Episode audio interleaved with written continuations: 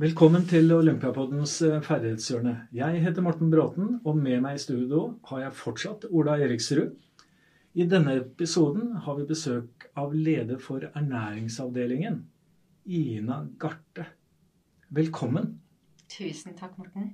Hensikten er å lære av de beste innenfor sitt felt, ernæring, og i tillegg belyse prinsipper for prestasjonsutvikling sett fra et ernæringsperspektiv.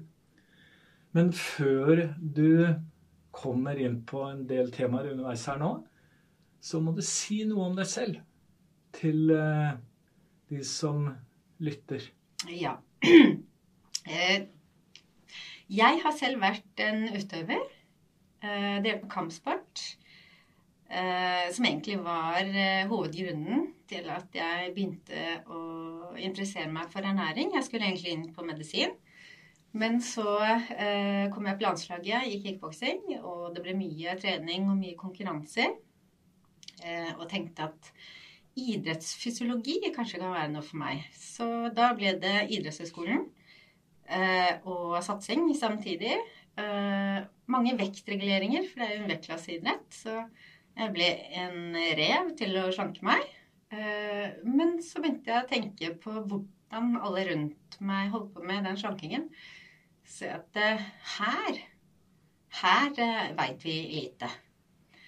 Så snakket jeg med eh, Kristine Helle, som da jobbet her oppe på Olympiatoppen som ernæringsfysiolog, og så sier hun dette kan vi ikke noe om. Har du lyst til å ta hovedfag med Olympiatoppen som veileder? Ja, sa jeg. Og det var begynnelsen. Og etter det så har også Olympiatoppen vært med og betalt min doktorgrad på samme felt. Ja. Så nå skylder jeg Olympiatoppen noen millioner. Og jobber altså her nå for resten av tida for å betale tilbake det de har eh, investert i meg. Godt perspektiv. Eh, kan jeg spørre om hvilket nivå du utøvde din idrett på? Ja, jeg var på landslaget. Jeg fikk Altså, jeg var nordisk mester, men har, fikk bare en fjerdeplass i det siste VM-et. Så, så, jeg var jo ikke på, jeg var ikke på uh, Nå er ikke det en olympisk idrett, jeg, men jeg var ikke på olympisk uh, nivå. Uh, det eneste jeg liksom tar med meg fra idretten som jeg syns er veldig viktig, er måten Hele fysiologibiten En ting er jo den tanken, tankene man har når man går i en ring. Ja. Ikke sant? Er det kickboksing vi snakker om? Ja. Mm. Full kontakt, jeg må si det, for det er det eneste som gjelder. Ah, sånn, vi kan har... slå litt på deg, altså. Ja. ja. Det er litt sånn uh, Men det, det, det, momentet med fare i tillegg sant? Du er jo, Har du en dårlig dag på jobben, så har du ikke bare en dårlig dag på jobben. Du risikerer jo en knockout. Ja, fikk jo det også et par ganger. Så, så, det er liksom det mentale med det. Veldig morsomt. Men Eh, jeg tenkte mye fysiologi, spesielt når vi holdt på med vekten og man så at, eh, at, det kostet utøvere veldig mye å gå ned i vekt. Eh, og vi gjorde det jo på feil måte, ikke sant. Ja. Så det var jo der jeg fikk interessen. Og når, og når du da har Ja, nå har jeg jo jobba her i snart 20 år, så jeg har vært med på veldig mange si, mesterskap og konkurranser og sånne ting, og kjenner igjen veldig jeg elsker å være med på bare kjenne den derre Altså ja. kulturen, alt rundt, lukten Alt som har liksom med eh, konkurranse å gjøre. Så det er helt fantastisk. Eh, jeg har lært veldig mye av det. Ja. Før vi mm, går inn på hvordan dere sånn jobber i det praktiske. eh, hva er prestasjonsernæring? Jeg hører det ganske ofte. Ja. Hva er prestasjonsernæring? Ja, guri. Det er det verste spørsmålet du kan stille. Ja, da... Eh, man, kan si, man, kan jo si at prestasjonsernæring, eller altså idrettsernæring, da, ja. er noe veldig uh, spesielt. Uh, og det er det jo fordi uh, det går ut fra den fysiologien som er. Mm. Altså idrettsfysiologi, mm. ikke sant? Og, og ernærings fysiologi, sånn at man tilpasser ernæringen i forhold til det du skal gjøre, det fysiologiske arbeidet du skal gjøre, sånn at du på en måte optimaliserer det. Men det er jo egentlig ingenting. Altså, det er jo mye, mye mer enn det. Ja. Kan, kan, du konkretisere det? Ja. For noen så er jo idrettsernæring bare å lære seg å spise ordentlig. Ja. Altså basics. Vi tror jo at uh, mange idrettsutøvere er uh, opptatt av uh, mat og energi og de tingene. Man tenker jo det. Og ja, til en viss grad. Men veldig mange kommer og har en til og med en veldig dårlig basiskost, da. Og Da må man jo begynne der. Ja. Det er jo det prestasjonsernæring i seg selv å begynne helt i det små, ikke sant. og det kan være gode utøvere som kommer dit, ikke bare de yngste. Så det er mange som har på en måte kommet seg ganske opp i gradene og blir eh, idrettsutøver på veldig høyt nivå uten å tenke på maten i det hele tatt. Dette kommer litt an på idrett man driver med, selvfølgelig. Men da er jo idrettsernæring Da dreier jo det seg om å bare legge grunnlaget. Mm. For andre eh, som jo har lagt det grunnlaget, og som driver en idrett, spesielt kanskje utholdenhetsidrett eller idrett der hvor kroppsvekt og form, fasong har en stor betydning for prestasjon, de har ofte gjort en del eh, både lagt eh, basisen eh, og gjort ting utover eh, det, som enten at de har gjort med vilje, eller ikke med vilje. Ja. og hvor, da, hvor, de da Det krever et mye mer sånn høyere eller mer skreddersydd og tilpasset ernæring som går direkte på prestasjon. Og ergogene stoffer f.eks. er også en del av idrettsernæring. Så det, det kan være veldig mye avhengig av den utøveren du har foran deg, da? Eh, du nevner jo, eller du sier jo at det er veldig sånn individualisering i forhold til både idrett og, og, og utøver. Men eh, hva, hvordan skjer oppfølginga fra dag til dag, uke til uke? Hvordan er den daglige kvaliteten, ukentlige kvaliteten på oppfølginga? Hva, hva, gjør dere? Er, hvor ofte følger dere opp utøvere? Det er helt individuelt. Ja. Eh, hvis vi har en intervensjon på gang, det kan være vektøkning, det kan være vektreduksjon, det kan være en periode hvor vi prøver ut noe, f.eks. Ja, ja. Om vi prøver ut kosttilskudd, om vi prøver ut noen endringer i kosten, eh, ergogene stoffer, eh, sånne ting. Så det varierer veldig. Men når vi har utøvere på høyt nivå, ja. der vi gjør en type intervensjon, da følger vi ofte opp ukentlig. Eh, vi ønsker å se de også. Ja. Så vi ønsker å enten at vi er med på trening, eller at de kommer til oss eh, og gjør vurderinger. Og så har vi en del målinger som vi gjør underveis for å evaluere arbeidet vårt. Så når vi begynner å jobbe med utøvere, så vi en, eh, bruker vi ofte en DEXA-måling. Det er et, en skann av hele kroppen hvordan, hvor vi ser eh, på benmasse, eh, muskelmasse og fettmasse. Rett og slett hvordan vi ser ut innvendig. Eh, vi har kostregistrering, sånn at utøver veier det man spiser og drikker over noen dager, sånn at vi får en oversikt over kostholdet. Vi monitorerer vekten under den perioden. Og vi kan måle også hvilemetabolisme, så vi ser om den er som den skal. Så vi har en del verktøy her som vi bruker til å evaluere den, eh, det arbeidet vi gjør med utøveren, avhengig av selvfølgelig hva vi skal gjøre. Uh, og da, når vi har en sånn type intervensjon, så gjør vi dette i forkant. Uh, og også da kanskje tar en sånn testmåling imellom, og så i etterkant av selve intervensjonen for å få de, de, objektive vurderingene av det arbeidet vi gjør, i tillegg til selvfølgelig hva utøver kjenner på, som jo er det viktigste. Eh, hva, hva leverer dere Mater dere utøveren bokstavelig talt eh, med kunnskap og kompetanse, eller, eller sørger dere for å utdanne utøverne innenfor dette? Hva, eller hva er filosofien ja, det, jeg tenkte litt på akkurat den der. Liksom, hva er inngangen her? For det er som du er inne på, du møter jo utøvere på veldig forskjellig nivå, veldig forskjellig kunnskapsnivå, ikke minst. Mm. Og det ser jo vi jo i andre, andre fagfelt òg, ikke sant. Så, mm. for jeg tenkte liksom, jeg har skrevet et lite sånn stikkord her, pedagogikk. Hvordan er det vi går inn der i akkurat, akkurat det der? Hvor mm. Den er en aldri så liten utfordring, kan jeg se for meg. Ja, det, ja. I tillegg så er det jo sånn at alle spiser. Alle kan mat. Ja. Det er en utfordring.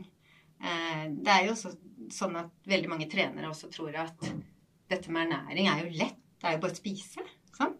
Ja. så det, det, er faktisk en utfordring å få de til å se hva maten faktisk kan gjøre. da. Eh, så inngangen her vi bruker ofte, og det er litt sånn uansett hvilket uh, nivå du er på, inngangen er egentlig utøveren selv. Mm. Uh, hvor er du? Hva gjør du? Eh, hva tenker du? Hva har du lyst til? Uh, og så har ikke jeg bestemt meg, aldri bestemt meg på i forkant hvem som kommer og hva jeg skal gjøre. Med mindre det er noe som er avtalt. Eh, jeg har en utøver som kommer inn. Eh, vi ser hverandre i øynene litt. Vi snakker i fem minutter eller noe sånt, så skjønner jeg litt hvor vi ligger. Eh, stiller jeg noen spørsmål, og så skjønner også de hvor jeg ligger. Så pleier vi å ta det derfra. Og det blir en det, Veien blir til sånn mens vi går, ut fra jeg skjønner den kunnskapen som ligger i bånn der, eller som ikke er der. Så det avhenger av egentlig hva jeg begynner med. Mm. Så målet mitt er jo å tegne og forklare eh, hvordan kroppen fungerer, sånn at de skal få en interesse for det selv. Eh, jeg ønsker ikke å være på deres rygg gjennom resten av karrieren, men jeg er der for å kunne gi dem noe som de kan bruke som verktøy. Derfor så er jeg opptatt av at vi ikke bare kommer og gjør en leveranse når de er på tur, f.eks. Så skal jeg være kokk uh, gjøre ting. Og så drar jeg igjen, og så står de der da uten en kokk. Da, da har man liksom ikke lært mye. Så, så, det at de selv da eh, forstår fysiologien i det, og eh, grunnpakka, da eh, Det er der interessen begynner å tennes. Og det, med en gang du har utøvere som ser hvordan de kan få et større utbytte fra treningsøktene sine, da hører de. Og i, i det samspillet der, er tre, hvordan er involvering av treneren der? Ja. Er de med eller ikke med, eller det, hvordan, hvordan, er det? Er det ja. sensitivt, eller? Det er, det, det er også, også, også, veldig forskjellig fra utøver til utøver. Men det jeg kan si, det er at vi får gjort svært lite hvis uh, treneren ikke er uh, interessert eller ikke er med. Ja, ja. Uh, ja ved at det er en brems for at uh, utøveren skal utnytte eller mm. bruke dere, eller? Det kan være både uh, Hvis man har en trener da, som ikke er interessert, ja. da er det sjelden utøveren kommer. Ja. Da må jo det være coach eller en annen som tenner en mm. interesse. OLT-coach. Ja. Eller at en person jobber med uh, en annen fagavdeling i Olympiatoppen. Så ser noen på fag uh, styrke, f.eks. Teknikk. Her er det et eller annet som, som Nei, her er det noe Kan ikke du gå til ernæring? ikke sant? Og så mm. blir man liksom tipset sånn. Ja. For trenere som har hatt dårlig erfaring med ernæring selv, de sender ofte ikke utøvere. Trenere som har slanket seg mye selv i vektklasseidretter, dette kan de selv, så de vil ikke sende utøvere. Så det er veldig mange fasetter at, eh, men, det, men det vi ser her, da, er at vi det er veldig vanskelig å gå inn i et lag og gjøre endringer hvis treneren ikke er med. Så vi må ha trener om bord eh, før vi gjør store ting. Jeg, jeg, har lyst til å gå på, i og med at vi toucher vektregulering allerede mm. eh, Jeg vil at eh, Kan vi gå litt dypere i det? Mm. Eh, kan du si hvordan dere jobber i forhold til vektregulering, og hvordan det tverrfaglige arbeidet skjer i forhold til det? Kan du fortelle ja. lytterne litt om det? det? Det kan jeg gjøre. Vektregulering er noe vi ja, det er utrolig sært å ta en doktorgrad på vektregulering, som dere vet. Så, uh, men det er faktisk et felt som Olympiatoppen har investert uh, mye i. Så vi har kompetanse på det. Uh, nå skal jeg sies at jeg har forandret min syn, mitt syn på vektregulering opp igjennom fra jeg begynte med doktorgraden til, til, nå. Det er litt interessant det... å høre da, hvordan den veien har gått. Ja. Fra hva da, liksom, og til nå. Det har gått fra en sånn dødsivrig student da, eh, som skulle finne den beste måten å gå ned i vekt på uten å tape muskelmasse og prestasjon. Eh, og så, så, fant vi jo det. Det fant vi. Eh, og det er faktisk en av de første studiene som viser at det er mulig å gå ned i vekt. Selv for slanke utøvere med relativt lav fettprosent uten å miste styrke og muskelmasse. Bare man gjør det på riktig måte. Men et, altså, seneffektene av å holde på med vektregulering Ja. Den kommer og slår oss litt i bakhodet. Ja. Eh, Så det vi ser, er jo at med en gang man begynner med vektreduksjon, så er det noe man må holde på med videre.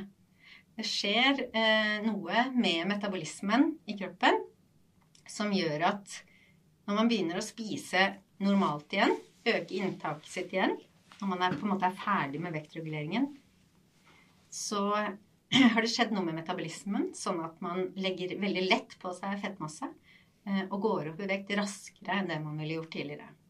Ja. Så det er en bieffekt med å regulere vekten, kan man si. Og det ser ut som at den varer i mange, mange år. Eh, noe som er veldig uheldig. Over tid så skaper jo det en kropp som har på en måte ja, gir deg, Det er en sånn ringvirkning som etter hvert gir en eh, litt uheldig kroppssammensetning med økt eh, fettmasse og redusert muskelmasse. Det ønsker vi jo ikke. Så eh, jo, vi fant den perfekte måten å gå ned i vekt på. Så har vi skal kanskje ikke formidle det. Så har vi lært. Jo, altså det vi kan formidle, er jo at ting må foregå sakte. Det må være en, en for, Altså, man trener godt under perioden. Man skal ikke sulte seg. Vi går ned en halv kilo i uken. Det er et veldig, veldig nøye skreddersydd kosthold. Så man er ikke sulten. Man har god kvalitet på alle treningsøkter. Og så, så det er mulig å, å regulere vekten på en ordentlig måte. Det, det du sier der, Ja. er gode anbefalinger ut til lytterne. Ja, det kan man si. For veldig mange tenker at eh, vekt er en veldig lett måte å øke prestasjonen på i noen idretter. Eh, og, det, og det er helt riktig.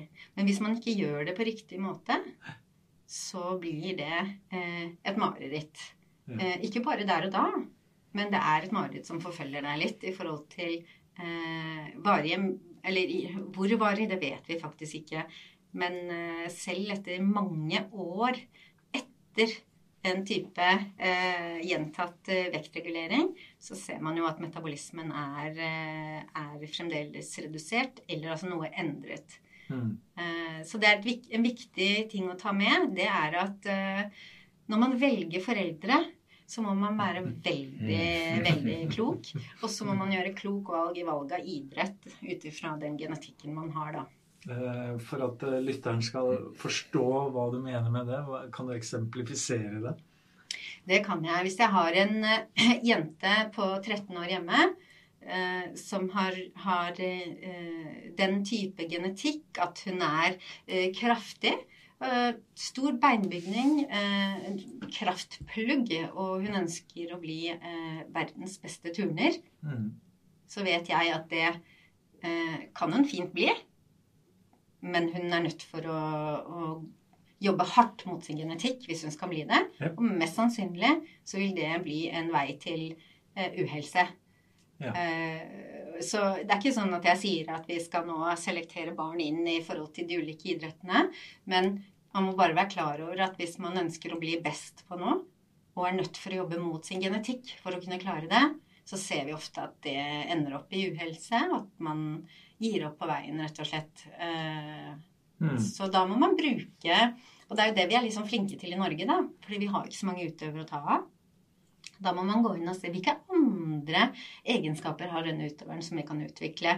eh, Som kan gjøre opp for en eh, type manglende genetikk akkurat på den ene siden. Kanskje det er noe annet som kan gjøre at denne utøveren kan utvikle seg. Så vi er jo flinkere til det i Norge enn vi er i andre land, hvor de har så mange at de på en måte bare kan velge ut, da. Mm. Ja. Så, Ja, nei, så vi har et sikkerhetsnett.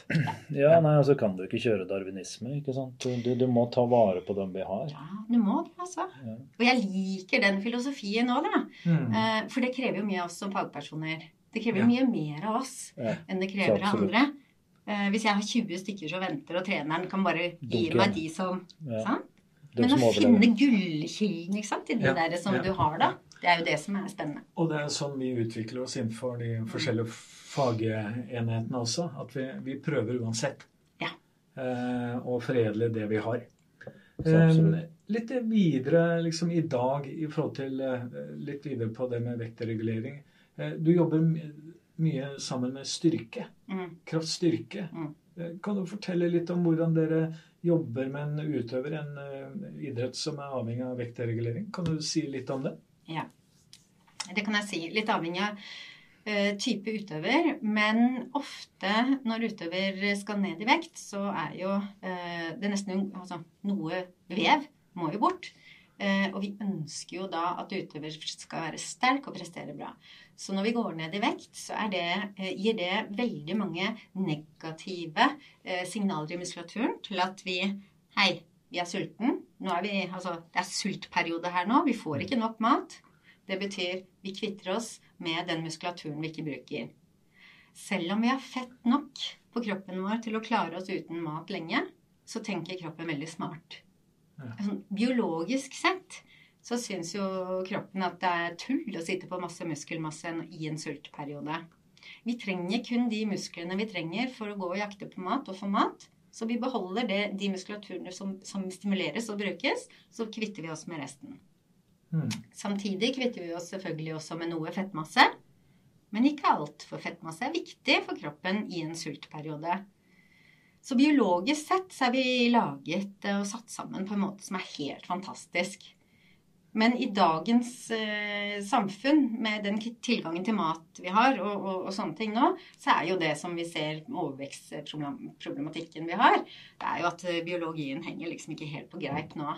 Fordi vi er ikke i perioder hvor vi sulter eh, så veldig mye lenger. Nå, I hvert fall så er overvekt et større problematikk enn at vi ja. sulter foreløpig. Ja. Men eh, poenget er at vi er laget på en måte eh, som gjør det vanskelig for en idrettsutøver, da å gå, å gå, ned i vekt og samtidig beholde muskulaturen. Men det var nettopp det vi så i vår studie, og som er vist senere også. Det er at hvis man går ned i vekt, men man stimulerer den muskulaturen man ønsker å, å beholde, så ser vi at det går an. Da tar kroppen mer av fettmassen, og så lar den muskelmassen bli. Og det er bare fordi det er liksom, biologisk sett kroppen har bruk for å ha den muskelmassen den bruker hver dag. Og så mm. kvitter den seg med fettmasse. Hvis man, bare, hvis man går ned i vekt uten å stimulere muskulaturen, så vet vi jo at det er et relativt stort tap av muskulatur. Og for en som sitter rolig og ikke er en utøver, så er kanskje ikke det så farlig. Men for en idrettsutøver som skal prestere bedre i idretten sin, så er dette helt elementært. Å kunne beholde power, da. Ja, og, går du, og, går du, da liksom Hvordan tenker vi på intensitetsstyring og dose? og Justerer dere da det også inn i styrketreninga da? Det er jo, Paul kunne jo vært her og snakka om det, men eh, ja. det, dere har det samspillet har vi det samspillet i forhold til eh, både hypertrofitrenerfasen, ikke sant, ja. hvor man legger opp til For det krever også en, en type ernæring. Mm -hmm. eh, og så begynner de å spisse opp til konkurranse. Er det f.eks. en kampsportidrett, så går de over på en periode med mye sparring. Eh, mer eksplosiv eh, styrketrening. Eh, hele den biten der må jo maten, ernæringen, også designes på en annen måte. Så det er sånn nøye samspill med, eh, med periodisering da mm. Eh, av utøvers eh, eh, treningsprogram ut mot da en, en, konkurranse. Så det er ganske spesifikt, egentlig, ja. det vi gjør. Og, og idrettsspesifikt også, i forhold til om det er en ja, mellomdistanseløper, eller om det er en vektklasseidrett som skal veie inn, eller Det er ulike rutiner, men veldig skreddersydd da, til, til det, altså helt idrettsspesifikt skreddersydd på trening og ernæring. Da er vi tilbake til det du starta på også innledningsvis her, da, med tanke på hva er kunnskap, treners velvilje osv. Så, videre, så ser vi jo det at det blir veldig veldig avgjørende inni en sånn prosess. da, For at det skal funke Absolutt. tverrfaglig i det hele tatt. Absolutt. Og det er, det er klart at uh, vi kan jo sitte i fagavdelingene og, og, si og mene og tro og sånn, men uh, hvis ikke trenere er med så har vi jo ikke er, Meningen her er jo å utdanne noen og gi noen mer kunnskap. Eh, hvis ikke det henger inn hos trener, f.eks. Eh, for det er jo det må, det må, vi jo si at vi jobber veldig, veldig mye med kultur. Ja, vi jobber ja. veldig mye med idrettskultur, spesielt rundt vektregulering. Eh, som er egentlig en litt sånn farlig, skadelig kultur. Ofte. Spesielt i vektklasseidretter.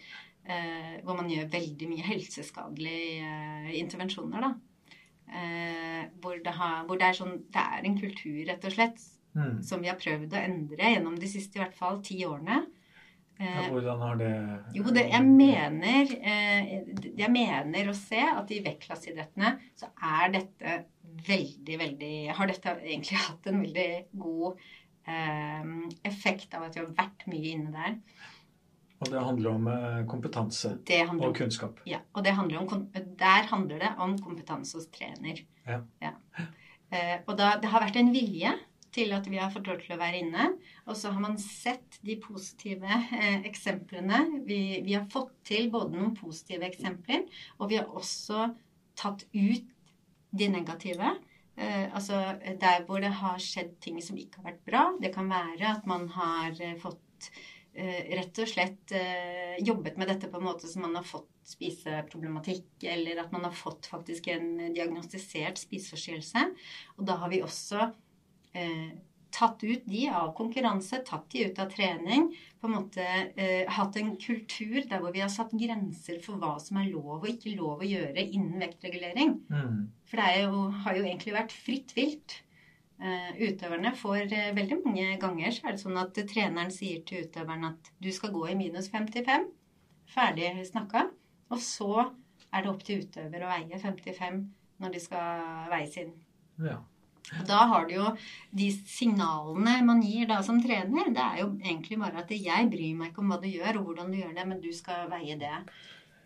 Du, du har de idrettene hvor eh, du har vektklasser, som du ofte refererer til. Ja. Eh, det er der de største helsemessige ja. metodene Altså det er der man ser på en måte en veldig akutt eh, effekt da, på helse. Ja. Og så er det idrettene hvor eh, vekt ligger inne som et krav, nærmest. Hva er forskjellen her, liksom, jobbing og, og, ikke minst angående kultur, som du er inne på? Mm. Er det noen forskjeller der? Veldig store forskjeller. Det som er med vektklasseidretter, det er jo at de må gå ned i vekt kanskje sju-åtte ganger i løpet av en sesong. De må veies inn hver gang de, de, skal gå i en konkurranse. Veier de gram over, så er de disket. ikke sant? Så det er noe med motivasjonen til å gå ned i vekt der. Den er helt avgjørende for at du kan stille. Derfor så blir det også brukt metoder som ikke er helsemessig forsvarlige. Eh, alt fra eh, oppkast, eh, fasting over flere dager, kraftig dehydrering.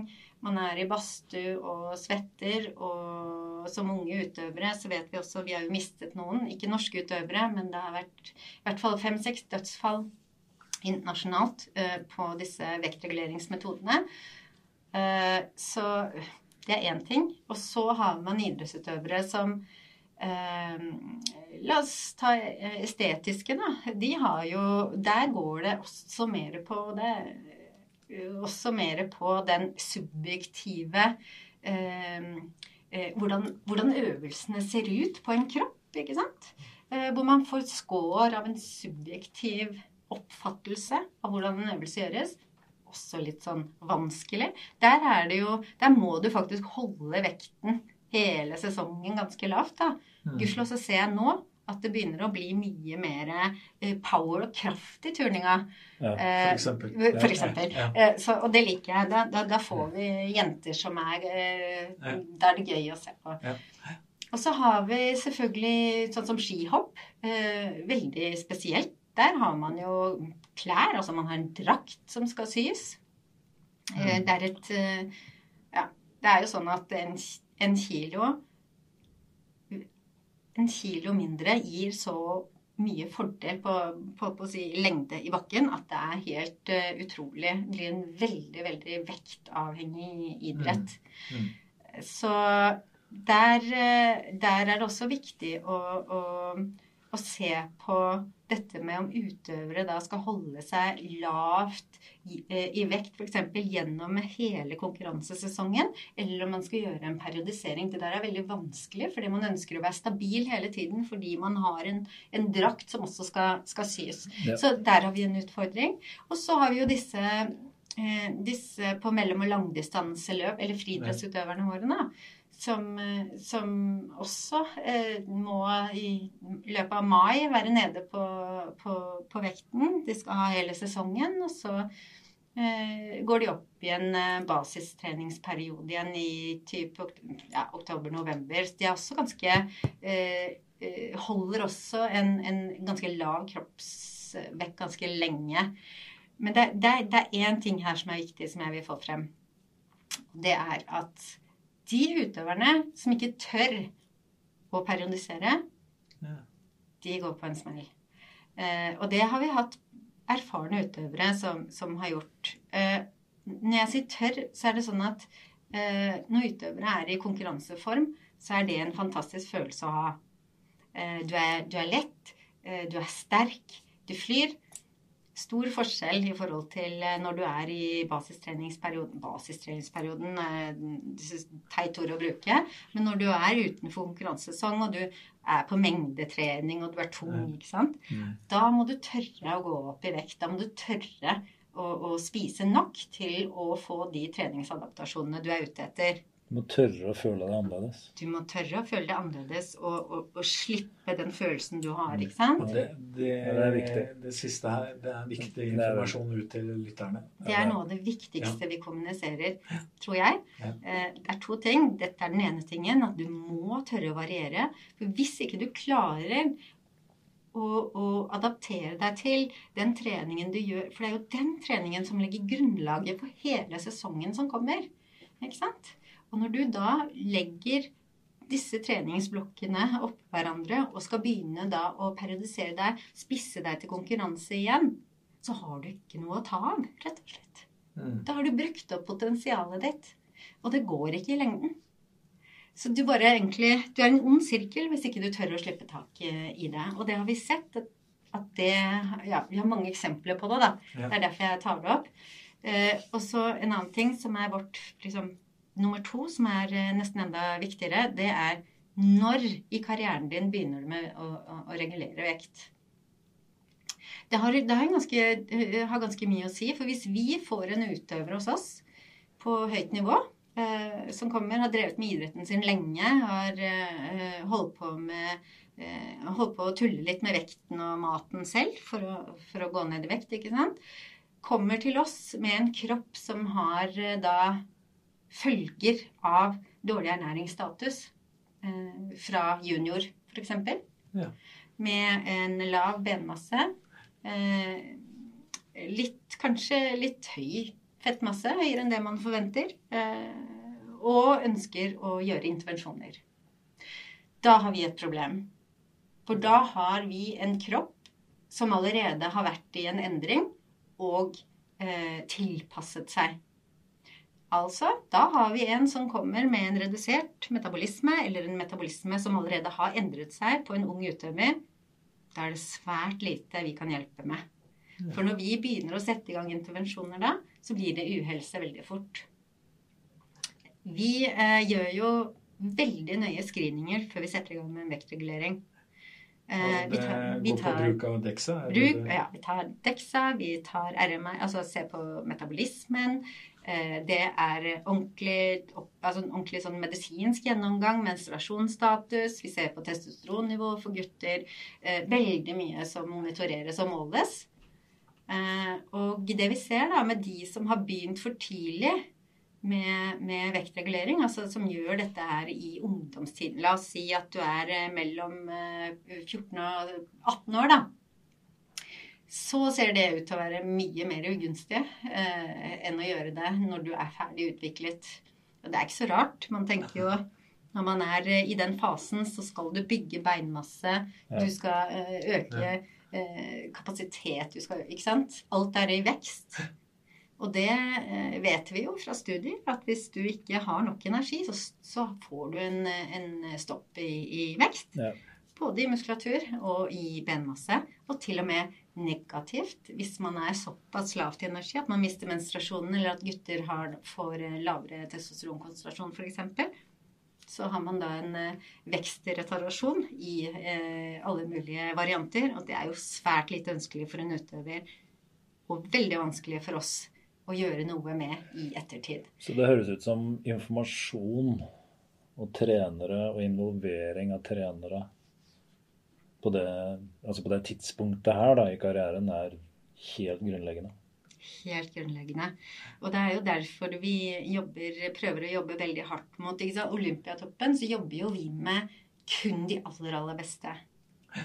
Men når vi får de aller, aller beste, som er litt sånn ødelagt bare når de kommer til oss, så, så kan ikke vi hjelpe de så mye med å tilpasse de til eh, på en måte de siste prosentene, da. Fordi de nettopp har hatt en sånn type så, så derfor er det viktig for oss at hvis vi bare skal jobbe med de beste, så må vi i hvert fall sørge for at vi har noen som jobber med de nest beste. Ja. For hvis ikke, så har jo ikke vi en jobb å gjøre. Innenfor eh, treningsfaget Vi representerer jo eh, motorikk og ferdighetsutvikling. Eh, når vi møter eh, utøvere, så, så tenker vi fort prestasjon. Eh, at det er en prestasjon for å utvikle Nei, en prosess for å utvikle prestasjonen. Eh, og så på en måte er det noen tydelige helsemessige greier, så, så sier vi jo fra. Eh, men jeg får inntrykk av at dere går inn på et helsenivå veldig ofte.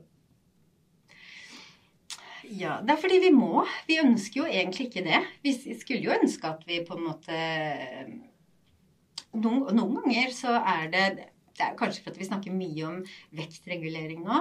Mm. Og, og, vektregulering må alltid ha et helseaspekt. Ja. Eh, det må det. Fordi vi, vi, gjør det. Altså utøver ønsker å redusere vekten pga. økt prestasjon. For, hele formålet med eh, vektreduksjonen er jo å øke prestasjonen. Eh, og nå er vi inne på noe av det som kanskje er det viktigste i toppidrett, eh, tenker jeg, da, i forhold til å jobbe med toppidrettsutøvere. Det er prestasjon og helse. Ja. Vi, eh, jeg vet veldig godt at vi må være med på toppidrettens krav om å øke prestasjon. Vi vet at vi må være med på å pushe grenser. Men så har vi en filosofi eh, og på en måte en, et etisk eh, grunnlag i det vi gjør, da. Som gjør at vi, vi, er med å presse grenser. Men det skal ikke eh, være sånn at vi jobber, eh, jobber altså mot en Altså det skal være helsemessig forsvarlig, det vi gjør. Ja. Så det betyr at vi kan være med og utfordre, vi kan være med og presse. Men vi eh, vi egentlig er, er, med mye på veien for å forhindre at utøvere da får en eller annen skade eller sykdom eller eh, en eller annen spiseforstyrrelse eller noe underveis. Og det er derfor vi monitorerer eh, så tett. Men ja, det er en prestasjon vi er ute etter. Og så må vi også sikre at vi ikke prestasjonsønsket går eh, på, på, helt på tvers av det man, at man skal ha en helsemessig forsvarlig altså kropp, som man Mm. også skal leve med etter idretten. Så det er veldig viktig for oss å fortelle eh, utøvere om å lære dem hva er konsekvensene av å gjøre det du gjør nå. Eh, For utøvere kan jo fint si at eh, jeg ønsker å gjøre dette. Du sier at ikke det er helsemessig forsvarlig, men jeg vil gjøre det likevel. Sier jeg ja, da kan du gjøre det, men da tar ikke jeg ansvar for deg. Greit, jeg går det, og så gjør jeg det på egen. Men da vet de ansvaret de sitter med i forhold til konsekvenser. Og det er kjempeviktig.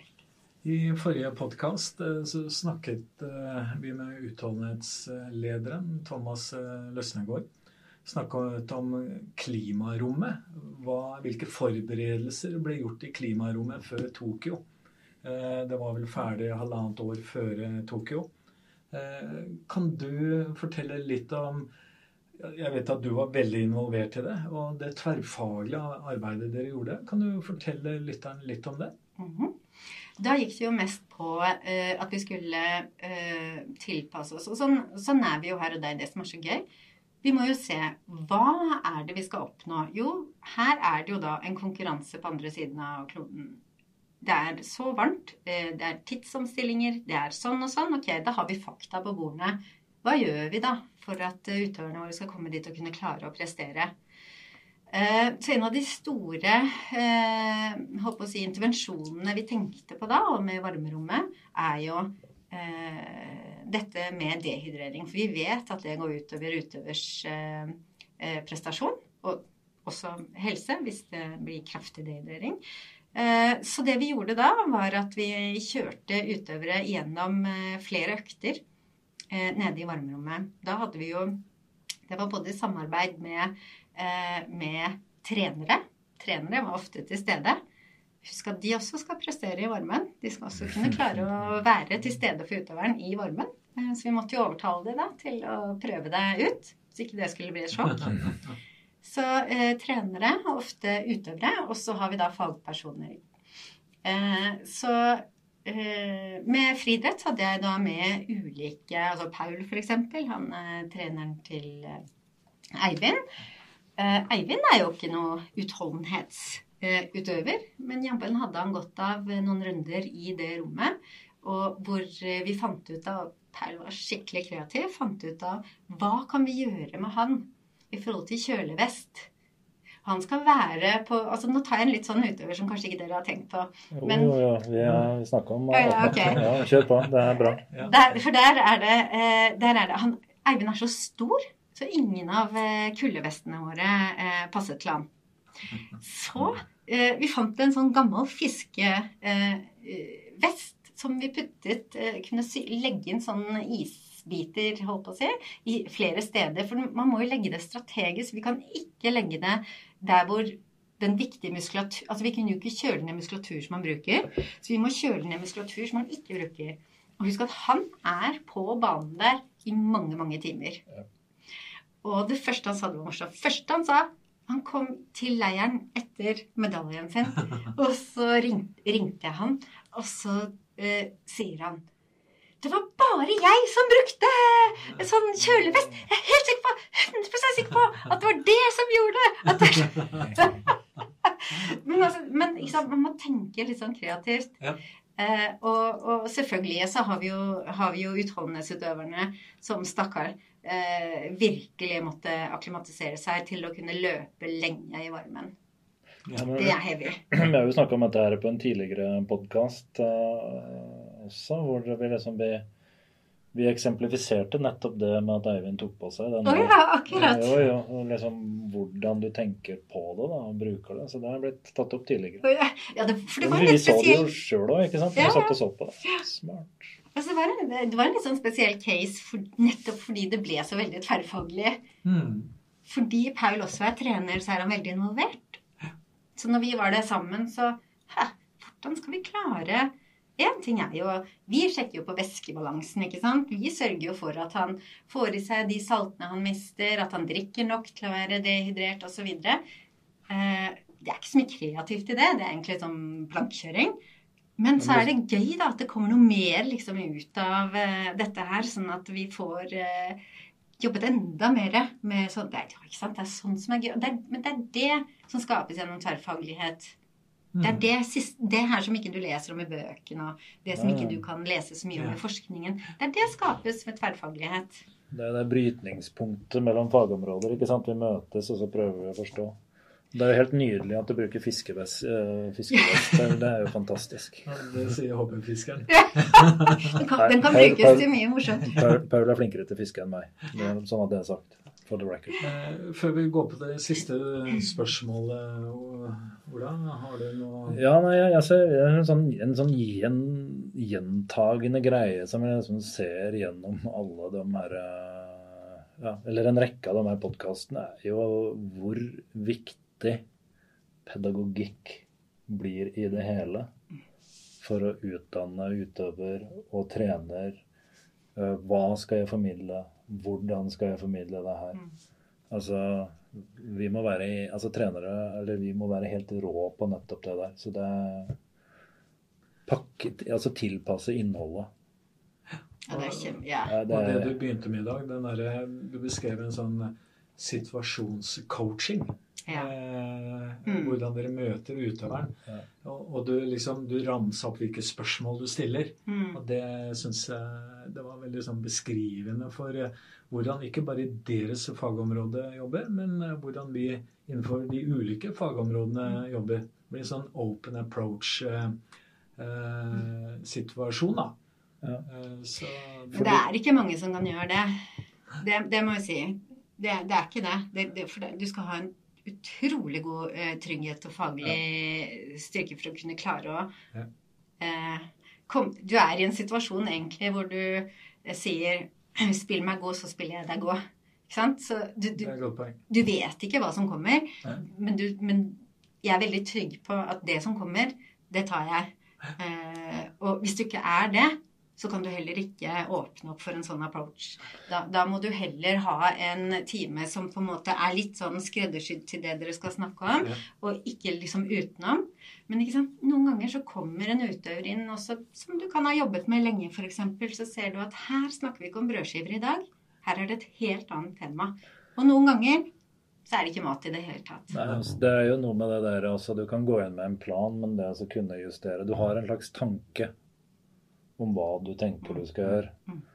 Og så blir veien til mens som du går, som du så fint sa.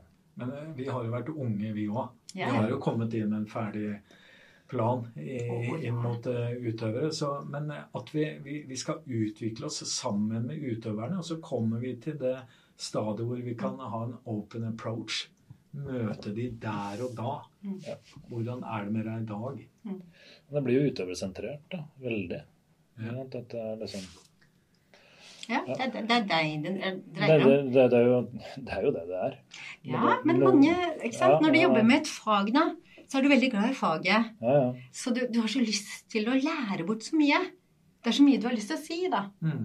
Du vet, Her sitter en ung utøver, ikke sant. Ja, Å, herlig land. Å, jeg har så mye jeg kan lære deg. Ikke sant? Ja, ja. Du liksom, og så, men et, gudskjelov etter hvert, da, når du vokser med disse utøverne, og, og du har, øh, har, fått lov til å være med på så veldig mange reiser For det, sånn ser jeg på det. Jeg er veldig takknemlig for Altså, jeg blir jo invitert med inn på reiser med disse fantastiske utøverne som bruker hele livet sitt, i hvert fall halve livet, dit de er, på dette. Og så får du lov til å være med eh, og henge på. Mm. Eh, og så gjør jo vi selvfølgelig som fagperson så godt vi kan. Men forskningen, og den ligger i bånn hos oss alle, eh, men det kan ikke hjelpe oss i en sånn setting. For du er med en person. Du må ha den grunnkunnskapen. Men du må også ha en type kreativitet og en type tilnærming til utøver som gjør at du og Det er det vi sier open approach. da, At du kan ta mm. der og da og bli kreativ og tenke OK, men her er det jo ikke sånn. Kanskje vi skulle gjøre sånn. Ja. Men det tør man jo ikke egentlig før man er eh, Det er det jeg sier at man må ha faglig trygghet i bånd hvis man skal tørre å ta en sånn. For det kommer spørsmål du kanskje ikke kan svare på. Og den må du ta på en ålreit måte. Og for meg så tenker jeg en veldig ydmyk i forhold til faget mitt og, og, den jeg jobber med. Fordi jeg ser at uh, jeg kan ikke mest om deg. Du kan mest om deg. Og så kan jeg være god på fag og se Oi, kanskje så, du kan mm. respondere sånn og sånn. Men til syvende og sist er det du. Det er det jeg tror vi må uh, tenke litt på. At vi, uh, vi uh, Men som sagt, det, det, krever jo da at du, at du har litt i bånn, da. God, ja. god, beskrivelse. Og det, det er litt som du pleier å si, Ola, når vi har kartlegginger. Ja. Du sier til utøveren, peker på utøveren, det er du som er sjefen. Mm. Nettopp med det som bakgrunn. Det er du som kan mest om deg selv, ja. ikke vi. Mm. Og dermed er det kanskje også den der interessen for å lære noe. Fordi, fordi, egentlig mange utøvere kommer inn til oss med, med en, en, en, sånn tilnærming at de Nå sitter jeg i denne stolen her, fortell meg hva du kan gjøre for meg. Mm. Og så er det litt sånn hvis de kommer på Olympiatoppen også da til å begynne med, ikke sant? så er de veldig sånn nysgjerrig, og her er alle de gode utøverne, nå gleder jeg meg til å høre. Og så, og så er det de selv da, som skal gjøre et stort stykke arbeid og faktisk være i førersetet. Mm. Så det er jo ikke få ganger at vi driver med litt sånn derre barneoppdragelse i skjult i, i, i, bak gardina, for å si det sånn. Eh, men, men, og det tar vi på strak arm. Men, men, det er noe med det at altså, vi er ikke der for å lære de noe, og så skal vi trekke oss Altså, dette her er en evig vekst, og, og vi, vi, er der for å jobbe sammen med utøverne. Og jeg utvikler meg like mye hver gang jeg er med på en reise som det utøveren gjør. Og jeg har sagt nå, sist jeg sa til en utøver nå, som er eh, veldig, veldig god, og som har hatt mange utfordringer, så sa jeg den dagen du kommer til meg, og du opplever at jeg ikke er minst like motivert som deg, så må du si ifra, for da, ikke, da, må jeg slutte i arbeidet mitt. Mm. Jeg må være akkurat der hvor du er, eller litt foran. Hvis det, vi skal avslutte med vårt vanlige spørsmål ja, Jeg tenkte bare skal... å oppsummere. ikke sant? Her har ja. du liksom den herlige brytningen mellom da den her evidence-based uh, practice og best practice, eller beste praksis. da. Ja. Den her brytningspunktene her, og du manøvrerer i det brytningspunktet der. Det er det, ja, meget bra. Eh, Vi pleier å komme med anbefalinger eh, når vi har denne podden. Eh, Lytterne, eh, de som er trener for barn og ungdom, eh, kanskje morgendagens også. Eh, Hvilke anbefalinger eh, vil du gi til de trenerne og de utøverne eh, i forhold til ditt fagfelt, ernæring? Da vil jeg si Vær tålmodig. Det er det aller, aller, aller viktigste dere kan gjøre. Det er en utviklingstrapp her. Og for ernæring så er den ganske eh, Den skiller veldig hardt mellom trappetrinnene. Ja. Fordi eh, Og jeg sier det fordi at vi ser det hele tiden nå. Eh, og det er en økning av eh, spiseforstyrrelser, og det er det også i idretten. Det må vi bare innse. Eh, og det vi ser, er jo at utøvere begynner altfor tidlig med vektregulering. Noe som gjør at ikke de når sitt potensial. Veldig mange slutter altfor tidlig med idretten sin fordi de ikke, rett og slett ikke makter å holde på. Man har begynt for tidlig. Man ønsker å være god altfor tidlig og ta ut den marginen. Det er en margin som skal tas ut når du er ferdigvokst, når du har trent godt og riktig over mange år, og det er den siste tingen vi spisser med, er en vektregulering. Vær så snill å være tålmodig, og i en fase for tenårene, spesielt for jenter, så skjer det noe med kroppen som ikke er eh, Vi ser ikke ut som gutter lenger, men vi blir kvinner. Det er forferdelig dramatisk for noen. Eh, Og spesielt de som driver idrett, hvor eh, vekt er prestasjonsvariabel, og man ser at prestasjonen reduseres. Da må trenere være tålmodige, finne andre variabler å fokusere på. For det er masse man kan trene eh, i den perioden der som ikke handler om vekt. Hvor finner de denne vekttrappen, eller eh, trappen, som du refererte til? Har dere laga en sånn Mm. eh, hvor, har. finner det, hvor finner lytteren den? Den kan de finne. Den eh, har bl.a. blitt adaptert av IOC. Så de kan finne den. Den er forsknings... eh, ja, IOC har brukt våre regler der, så det kan vi være veldig stolte av. Den eh, trappen er tegnet av oss og brukt av oss. Ja, Så de kan, kan bare finne- søke opp den på Ja. IOC? Det kan de gjøre. Ja, ja. Eh, og så har jo vi den på nettsidene på Olympiatoppen, og den ligger som en sånn utviklingsmodell. Nå er jeg litt usikker, for vi har fått nye nettsider. Så den, jeg skal ikke tørre å si Men da akkurat. kommer den, eh, kommer den dit? Ja, den er Ja. eh, tilgjengelig, og der står det veldig tydelig eh, tre faser av en utøvers liv. Hvor man er, eh, hva som er viktig i fase når man er barn og, og, og trener. Eh, og at trenere og foreldre på en måte er viktige ressurspersoner da. Fra å komme opp til trinn nummer to i eh, junioravdelingen, der hvor det begynner å bli litt alvor, utøver tar mer ansvar selv for ernæringen og, og sånne ting. Og så er det på det tredje nivået, hvor vi sier du er liksom toppidrettsutøver, og da har du full eierskap til eget uh, opplegg, Uh, og vi hjelper med å skreddersy. Og der kommer altså, på den siste der, er da vi uh, gir lov til en vektregulering hvis det er hensiktsmessig, men ikke før. Og utøvere er ofte Vi har satt en type 18-årsgrense for vektregulering, men det er sjelden vi gjør det med mindre utøver på en måte absolutt altså ser ut som det er eh, helsemessig forsvarlig, men vi venter ofte gjerne til de er over 20 årene eh, før vi begynner med det. Og da ser vi at vi eh, utøvere som har hatt eh, tålmodighet til å vente, får utrolig mer eh, utbytte eh, av det på slutten av karrieren sin, eller i karrieren sin. Veldig viktig budskap. Ja. Eh, tusen takk, Ina, Tusen takk for for at at du, ja, for at du trakk oss inn i din verden. Mhm. Jeg følte at jeg, jeg var der. Jeg var i den bobla hele tida. Bra, så jeg, da kjedet jeg dere ikke. Nei, nei, fantastisk. Så veldig bra. Tusen hjertelig takk.